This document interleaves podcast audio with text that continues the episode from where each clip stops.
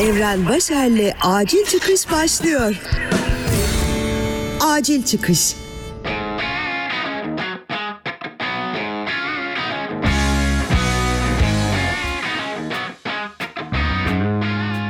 Selam sevgili dinleyen Acil Çıkış'ın 76. bölümünü dinliyorsun. Bugün biraz sınırlardan konuşalım. Acil çıkış.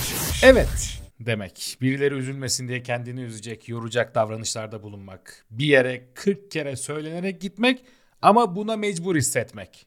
Bunlar eski bölümlerde de dillendirdiğim, eskisine göre hafiflettiğim ama maalesef hala kurtulamadığım ara ara sınır kapılarını açık bırakan bazı ülkeler gibi hissetmeme sebep olan durumlardan biri.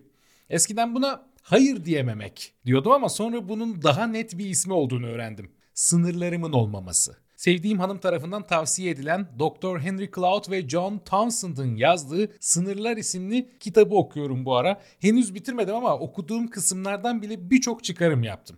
Belki aranızda sınırların nasıl bir şey olduğunu merak eden, bu kitabı okumak isteyenler vardır. O yüzden altını çizdiğim bazı bölümleri seninle paylaşmak istiyorum.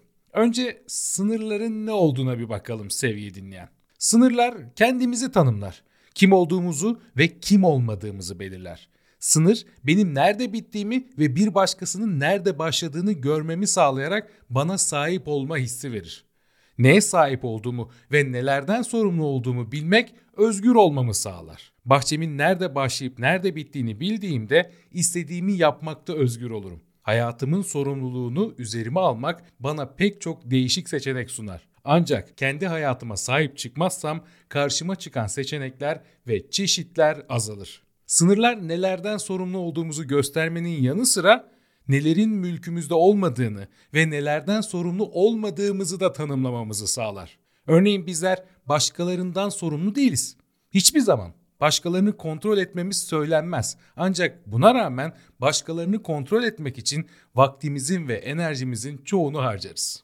Bu sınırlar konusu bu paragraflardan sonra biraz tanıdık gelmeye başladı mı? Evet, hiç istemediğin halde nedenini tam olarak kavramadan birçok kişinin işini yapıyorsun. Onların sınırlarına girmesine izin veriyorsun. Hani sana diyorum ama ben de bazen aynı şekilde bunu yapmaya devam ediyorum. Peki sevgili dinleyen, bu sınır çizememe, koyamama olayını hangi motivasyonlarla yapıyoruz? Biraz ona bakalım istiyorum şimdi. Kendimize söylediğimiz bazı yalanlar, eğilimler, cümleler var çünkü. Sınır koyamamak için kendimize direndiğimiz durumlar. İlki de şu. Sevgiyi kaybetme veya terk edilme korkusu. Evet diyen ve sonra evet dediği için rahatsız olan insanlar başkalarının sevgisini kaybetmekten korkarlar. Bu kendini adayan insanlarda yoğun olarak görülen eğilimdir. Sevgi görmek için verir. Bunu alamayınca da kendilerini terk edilmiş hissederler. Nasıl? Tanıdık geldi mi? O zaman ikincisine bakalım. Başkalarının öfkesinden korkmak. Eski incinmiş duygular ve zayıf sınırlar yüzünden bazı insanlar hiç kimsenin kendilerine kızmasına tahammül edemez. Ve kızmasınlar diye de sınır çizmiyorlar. 3. Yalnız kalma korkusu. Bazı insanlar sevgi kazanacaklarını ve yalnızlıklarının sona ereceğini düşünerek başkalarına boyun eğerler. Evet, hayatımızdan biri gitmesin, bir sevdiğimiz bizi terk etmesin diye sınırlarımızı tamamen yok ederek böyle arazimizi ona açma durumundan bahsediyor. O zaman dördüncüsüne bakalım. İçimizdeki iyi insanı kaybetme korkusu. Bizler sevmek için yaratıldık. Bundan dolayı sevmediğimizde acı çekeriz. Pek çok kişi seni seviyorum ve bunu yapmanı istemiyorum diyemez.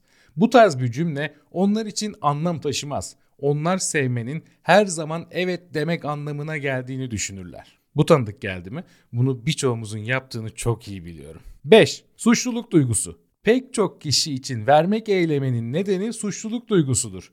İşlerindeki bu duyguyu yenebilmek ve kendileri hakkında iyi şeyler hissedebilmek için yeteri kadar iyilik yapmaya çalışırlar. Hayır dediklerinde kendilerini kötü hissederler. Bu nedenle sürekli olarak bir iyilik duygusu edinmeye çalışırlar. En çok zararı hayattan bu şekilde davranan insanlardan gördüm. O yüzden bu konuda önemli. Siz de böyle yapıyorsanız bir oturup düşünün. 6. Geri ödeme. Pek çok kişi aldıkları şeylere eklenmiş bir de suçluluk mesajı bulur. Örneğin anne babalar şöyle söyler.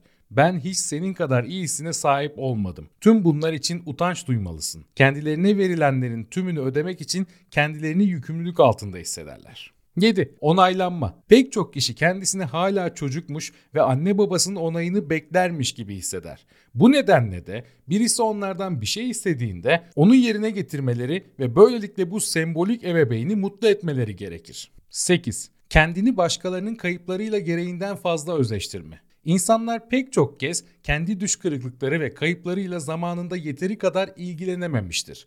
Bu nedenle bir başkasını hayır diyerek yoksun bıraktıklarında onun üzüntüsünü sonuna kadar hissederler. Birisini bu denli kırmaya tahammülleri olmadığı için isteklerine boyun eğerler. Kendimize söylediğimiz bahaneler ve sınır koyamama sebeplerimiz bundan. Peki yani hiç kimseye mi bir şey yapmayalım? Bencil mi olalım?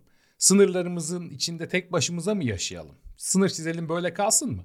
Hayır, kitapta bu soru içinse şöyle bir paragraf var onu da paylaşayım. Bizler özgürlüğe çağrıldık ve bu özgürlük şükranla, coşkun bir yürekle ve başkalarına karşı sevgiyle sonuçlanmaktadır.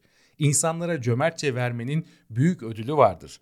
Vermek gerçekten de almaktan daha kutsaldır. Eğer verme eyleminiz sizi mutluluk ve neşe götürmüyorsa yukarıdaki maddelere bir bakmanız, incelemeniz gerekir. Önce özgür ol, sonra hizmet et. Eğer korkunuzdan kurtulmak için hizmet ederseniz başarısızlığa mahkum olursunuz diyor. Yani buradan da benim anladığım yaptığımız iyiliklerin, verdiğimiz şeylerin hangi sebeple yaptığımız. Bunu coşkuyla gerçekten iyilik yapmak için mi yapıyoruz yoksa yukarıdaki maddelerle bir ilişiği var mı? Evet benim kitaptan paylaşacağım kısım bu kadar. Sınır konusu şu kadarcık bir kısımla anlıyoruz ki bir özgürlük mücadelesi aslında. Kendi içimizde olan bir mücadele bu. Buradaki bazı bahanelere ben de sahibim ve üzerinde düşünmeye başladım okuduktan sonra. Bakalım kitabın ilerleyen kısımlarında daha neler var, neler göreceğim, neler keşfedeceğim. Sen de merak ediyorsan Sınırlar kitabı Diyojen yayınlarından çıkmış. Gerisini orada bulabilirsin, okuyabilirsin. Sınırlarla ilgili bir problemin varsa tabii. Sınırların çizildiği, özgür olduğumuz